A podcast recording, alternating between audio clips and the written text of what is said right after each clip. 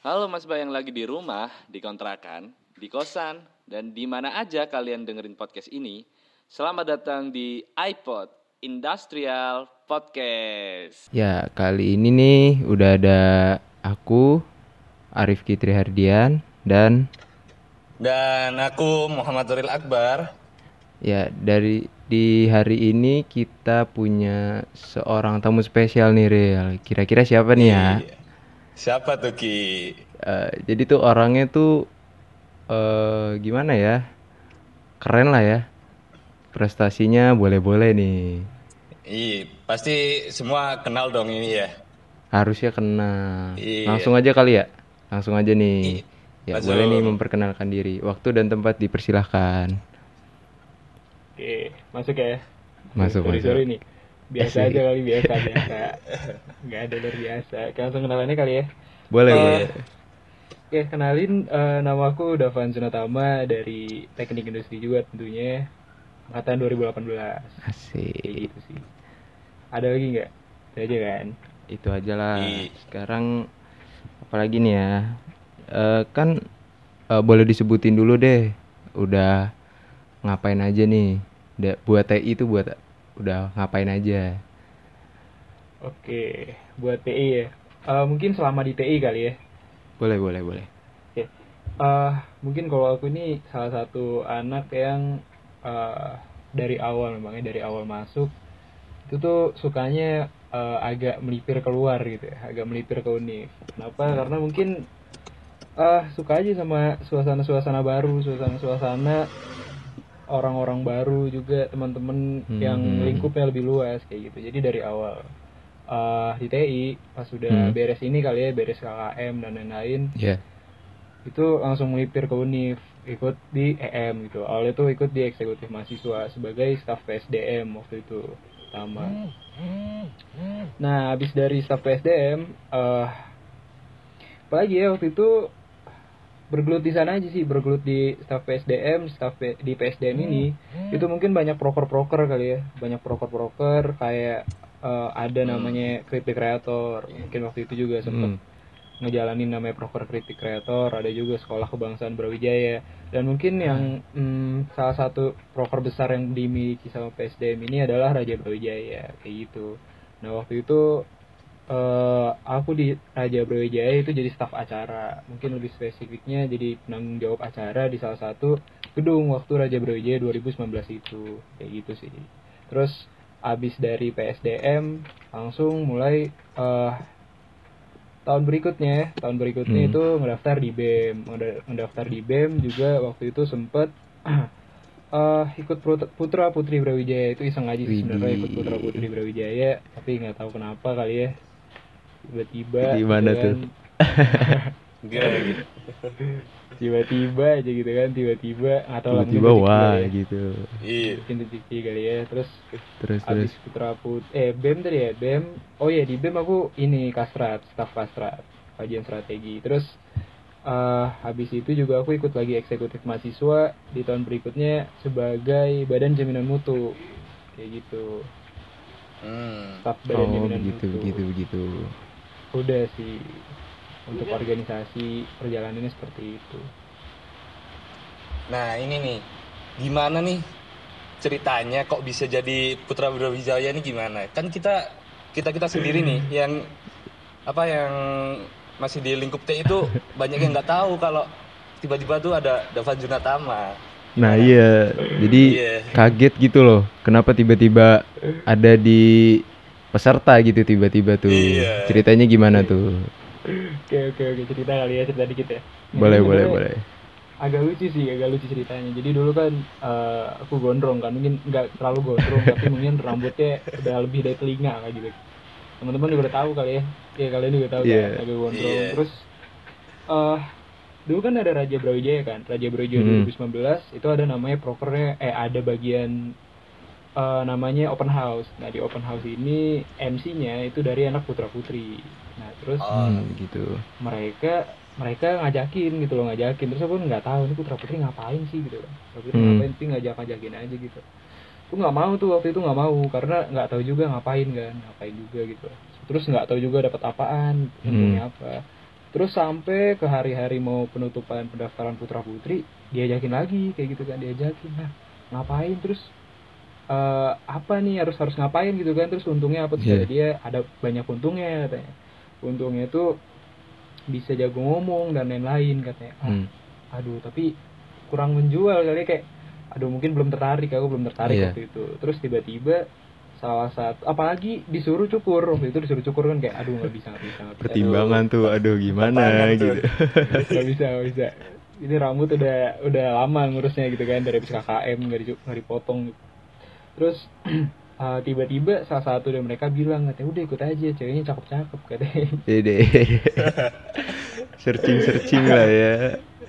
nah itu sih dari situ terus kayak ah sabi juga nih kalau misalnya terus lihat juga kan wah emang cakep-cakep Hmm. gitu akhirnya ikut aja iseng ikut-ikut doang waktu itu juga ada beberapa anak teknik juga kok Eh, umumnya sih umumnya anak Hmm. industri sih yang kemarin daftar dari teknik tuh umumnya anak industri ada beberapa lah kayak gitu Terus pas eh boleh diceritain sedikit nggak pas karantinanya kan di karantina kan ya? iya karantina Ada karantinanya itu gimana tuh? oke Eh, mungkin ceritain di karantina ini ngapain aja kali ya Boleh, boleh, boleh. Oke. Karantina ini kalau nggak salah ada empat hari kalau nggak salah. Apa berapa hari gitu? Pokoknya berapa hari dan Hmm. itu nggak nginep, nggak nginep kita nggak nginep kita cuman eh, beraktivitas dari pagi dari ya dari sekitar jam 7 lah jam 7 pagi sampai agak maghrib sampai ke malam itu di gedung Fakultas Hukum. Nah, itu tuh berapa hari tuh? Itu ngapain aja? Ngapain aja tuh isinya ada materi kayak gitu-gitu sih. Intinya eh, kita juga dikasih pembinaan gitu, pembinaan dari putra putri untuk siap kayak gitu menjadi duta kampus kayak gitu sih. Kayak misalnya ada personal branding, cara komunikasi dan lain-lain juga eh attitude itu semua diajarin Hmm. kayak gitu di sana. Kayak gitu Nah. Terus rasanya pas waktu eh, 10 besar terus jadi lima besar, tiga besar jadi juara tuh gimana rasanya? Aduh rasanya gimana ya? Aduh nggak ada nggak ada awalnya nih jujur nggak ada pikiran buat ke sana gitu. Eh, Lo tanya ah mungkin aku juga kan nanya anak 18 eh, apa namanya ngomong sama anak 18 terutama teman-teman terdekat aku gitu ya udah Hmm. nggak usah bawa ini nggak usah bawa bingkisan nggak apa-apa dan lain-lain karena emang nggak akan gitu kan mungkin Iya. Arif ya Manuril juga waktu itu Iya. apa namanya pernah denger lah aku nggak usah nggak usah datang nggak usah datang nggak akan ini nggak akan ini paling yang menang ini ini, ini gitu kan memang nggak nyangka gitu awalnya terus emang teman-teman kelihatannya emang beneran nggak ini kan ya udah gitu. ya udah seru-seruan doang eh nggak nyangka taunya Dipanggil tuh. nggak taunya aduh kok gini gitu kan Kok dipanggil? Bahkan yang datang bukan sat- cuma satu dua orang, satu teknik datang. Hampir satu teknik itu rame Iya, banget jadi, sumpah. makasih banget sih terutama iya buat teknik terus buat Iya, industri iya, juga iya. kemarin umumnya anak industri kan yang datang karena emang semua Iya. calon yang masuk Iya. di finalis tuh anak industri kan tiga-tiganya makanya Iya. makasih banget sih udah datang juga waktu itu Terus eh, aku baru denger nih katanya selain Putra Brawijaya sekarang lagi megang satu kepanitiaan lagi nih yang lumayan besar lah di Brawijaya. oke gimana tuh gimana tuh Tipis-tipis aja lah. Iya. tipis-tipis kali ya aduh gimana Tipis-tipis sih aja lah. ah iya jadi sekarang lagi diberikan amanah gitu ya buat mimpin salah satu program kerja eh tingkat univ gitu namanya mungkin teman-teman juga pernah alamin namanya Raja Brawijaya kayak gitu Ih, kelas Ini. banget nih. Waduh, Kenapa tuh biasa bisa aja. diamanahkan menjadi ketua? Gi- apa maksudnya gimana kamu mencapai di titik itu gitu loh? Oke. Gimana ya? Aku juga nggak paham sih, cuman mungkin kemarin ada dorongan aja dari teman-teman. Udah maju aja maju karena eh gini ya, aku mungkin jelasin sistem di Raja dulu kali ya. Panitia Boleh, boleh, boleh, boleh. apa.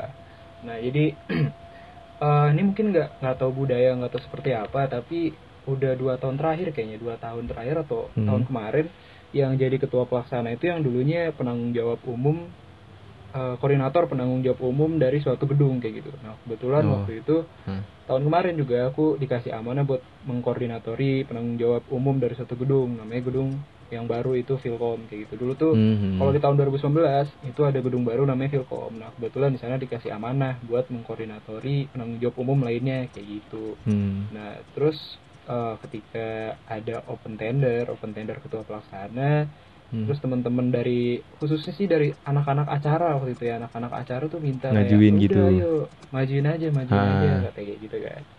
Ya udah, Terus ya udah gitu nyoba. Nyoba, iya nyoba. Sebenarnya bener pilih nyoba gitu kan, nyoba. Nah, Ya udah inovasi juga kasih yang ada di otak, mungkin terus lebih banyak ke evaluasi gitu sih kalau aku kemarin di Grand Design-nya.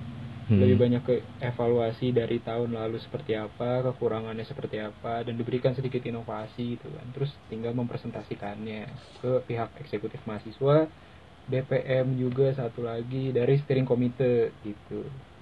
Itu itu tuh. Kacau kacau kacau. Nah, Seperti ini nih masalahnya kan sekarang ada pandemi nih. Terus gimana tuh rencana dari Raja Brawijayanya gimana? Oke, sekarang ini ya eh masuk ke raja berarti ya. Di Raja Boleh, Brawijaya Iya iya. Boleh boleh. eh di kondisi pandemi. Oke, mungkin aku juga udah beberapa, beberapa kali ngejawab pertanyaan teman-teman LPM juga nih. Kalau misalnya ini Raja Brawijaya gimana kondisinya kalau misalnya lagi COVID kayak gitu kan. Hmm. Nah, eh tentunya gitu kan, tentunya kita selalu berkoordinasi dengan pihak rektorat gitu. Kita selalu berkoordinasi dengan pihak rektorat akan seperti apa nih jalannya Raja Brawijaya ini kayak gitu. Nah, Hmm. di tengah kondisi kayak gini tentunya dari kita ingin ya eh, Raja Brawijaya ini harapannya harapannya Hmm. baik dari kita sebagai panitia pelaksana ataupun dari pihak rektorat inginnya harapannya itu kalau misalnya Raja Brawijaya dilaksanakan secara normal kayak gitu kan Iyalah dari pasti. harap ah, ah, kayak gitu kan nah terus dari harapan tersebut rektorat mengambil belum mengambil keputusan tapi masih mengambil perkiraan kalau Raja Brawijaya sebaiknya buruk-buruknya itu dilakukan di akhir tahun entah Hmm. November Desember atau Januari kayak gitu sih terakhir Berarti di akhir semester atau di awal semester itulah ya Ah, genap ah. nanti. iya tapi balik lagi sih sebenarnya kan kita juga nggak tahu nih kita nggak tahu bisa jadi aja covid besok tiba-tiba beres kan Nggak Nah, tahu itu kan gak ada yang tahu. ah Soalnya jadi banyak- masih perkiraan Banyak data-data yang da ya turun naik, turun naik. Aduh, nggak Iya. jelas gitu Iya. loh. iya, Serem juga kan. Nggak Ah, kelihatan ah. penyakitnya tiba-tiba positif. Ih, Ya, pokoknya ini- bahaya banget Teman-teman yang di rumah, Mas Bas kalian tuh ya jaga-jaga kesehatan lah ya. iya. Jangan sampai kalau bisa tuh terkena. Terus nih Ju, Iya. eh, aku pengen nanya nih, kan dengan segala banyak aktivitas yang kamu dapat nih sekarang nih, itu gimana sih cara ngatur bagi waktu, manage waktunya itu gimana sih? Buat Nah, temen-temen iya nih. juga nih yang mau nyoba gitu buat lebih dari yang sekarang, nggak diem-diem doang yang mau nyoba tapi masih takut tuh. Mungkin kamu bisa kasih saran juga tuh ke mereka tuh. Oke. Aduh, aku nggak gimana ya, nggak bisa ngasih saran sebagai orang yang ini kali ahli kali ya. Soalnya Soalnya nggak bukan ngerasa Mario juga- Teguh ya. bukan Mario Teguh gitu. Mungkin sih lebih ke sharing aja kali ya, lebih ke boleh, boleh, boleh. sharing-sharing dikit.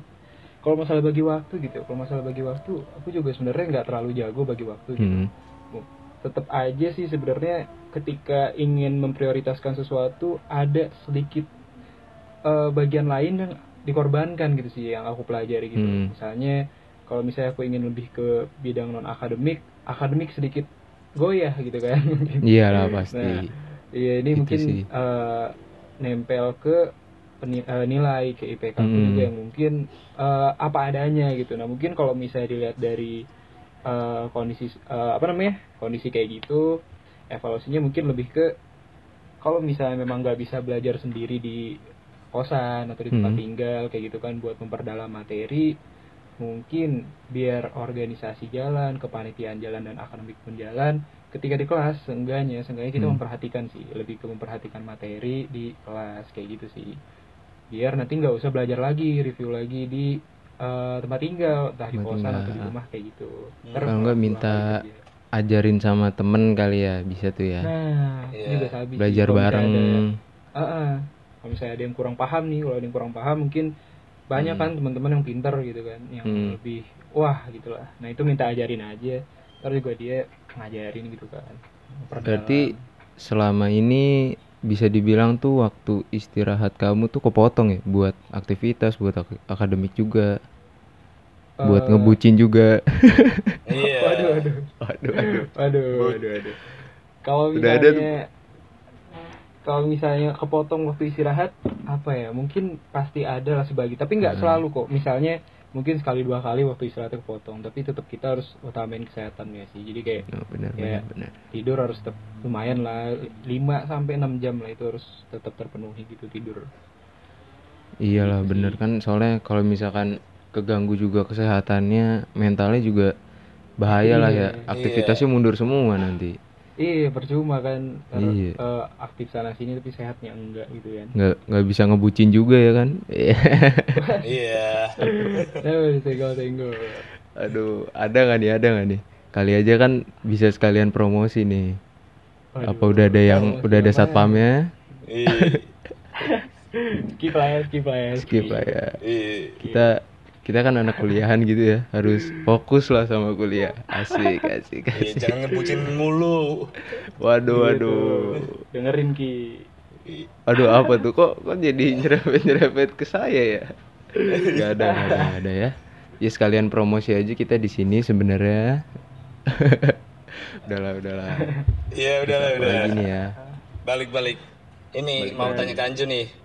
gimana gimana Kan kamu udah banyak panitia kepanitiaan, banyak organisasi, eh, banyak kegiatan yang lain. Itu tuh manfaatnya buat ke depannya tuh gimana sih? Oh, oke. Manfaat ya. Sebenarnya sebenarnya nih aku juga masih nggak paham sih ketika oh, ditanya manfaat. Karena setiap orang tuh orientasi yang ingin didapat yang ingin digapai itu Beda-beda berbeda-beda ya. gitu kan. Ah, ah, tapi mungkin kalau dari sisi aku sendiri apa yang aku dapetin ketika eh, berorganisasi eh, dan lain-lain berpanitian dan lain-lain mungkin lebih ke eh, memanage sesuatu eh bukan memanage sesuatu sih memanage orang gitu ya pertama mungkin lebih ke Mhm. memanage orang ketika eh ada yang jadi pemimpin atau ada yang jadi apa kan kita memanage Ah, orang tentunya kan Iya.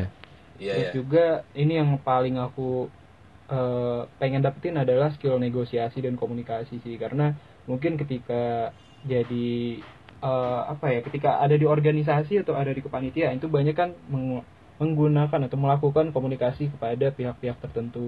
Mungkin kalau misalnya Hmm. di raja sendiri ke rektorat kayak gitu. Itu banyak bernegosiasi dan lain-lain. Itu mungkin skill yang sangat dibutuhkan ketika nanti di dunia kerja. Aku nggak tahu ya karena belum pernah kerja juga tapi mungkin berdasarkan pengalaman katanya skill komunikasi negosiasi Iya tuh dan penting sih memimpin pasti. itu sangat dibutuhkan kayak gitu sih Nah ini untuk eh, Mas Mbak teman-teman sekalian tuh bisa dicoba tuh mungkin cara-cara saran-saran dari Davan Junatama ini yang udah disampaikan mungkin bisa lah dipakai buat nanti ke depannya entah yang mau mencoba organisasi di luar ataupun Iya. di jurusan sendiri tuh bisa banget tuh dicoba tuh.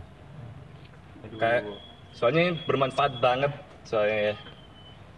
Iya, sebenarnya lebih ke banyak sharing-sharingnya sih mungkin aku juga banyak masukan dari Mas Mbak juga kan yang lebih udah paham gitu loh udah lebih Iya, banyak pengalamannya sharing-sharing gimana gitu sih Hmm. Gimana nih? Mungkin ada yang mau disampaikan lagi dari seorang Davan Junatama. Iya. aduh apa Asik. yang ada sih sebenarnya aduh Kasih ini deh eh, apa tuh apa kata-kata yang bisa memotivasi nih, yang bisa misalkan Iya ada nih. seorang yang mau ikut nih organisasi, Oke. cuman dia masih ragu tuh, yang bisa ngeyakinin dia tuh.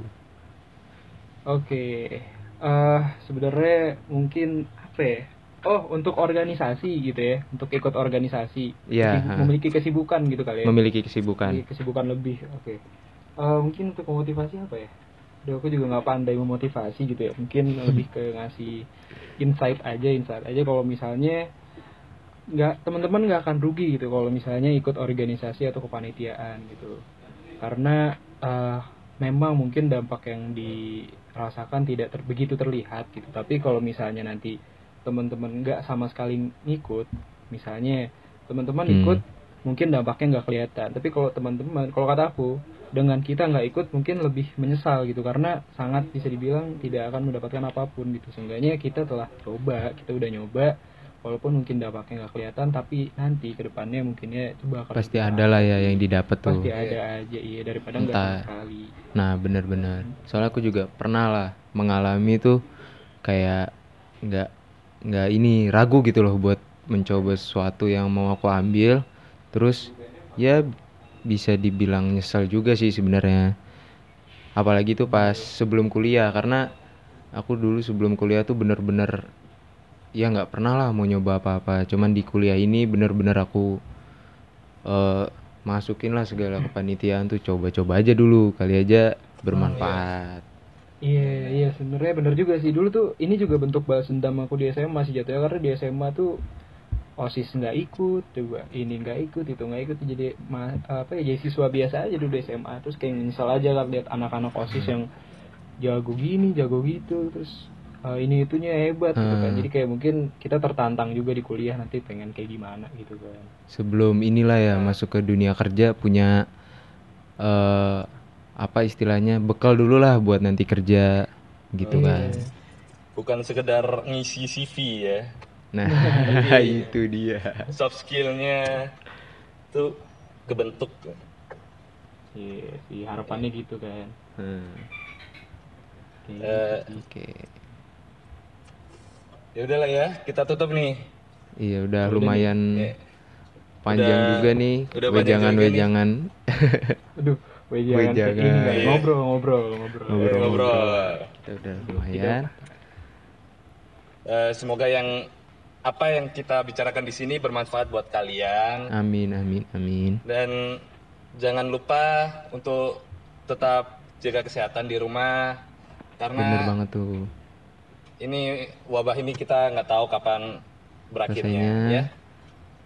Amin amin. Ya udah. Sekian, terima kasih teman-teman dan Mas Mbak. Ya. Terima kasih. Sampai jumpa di iPod Bye-bye. selanjutnya. Bye bye. Bye bye.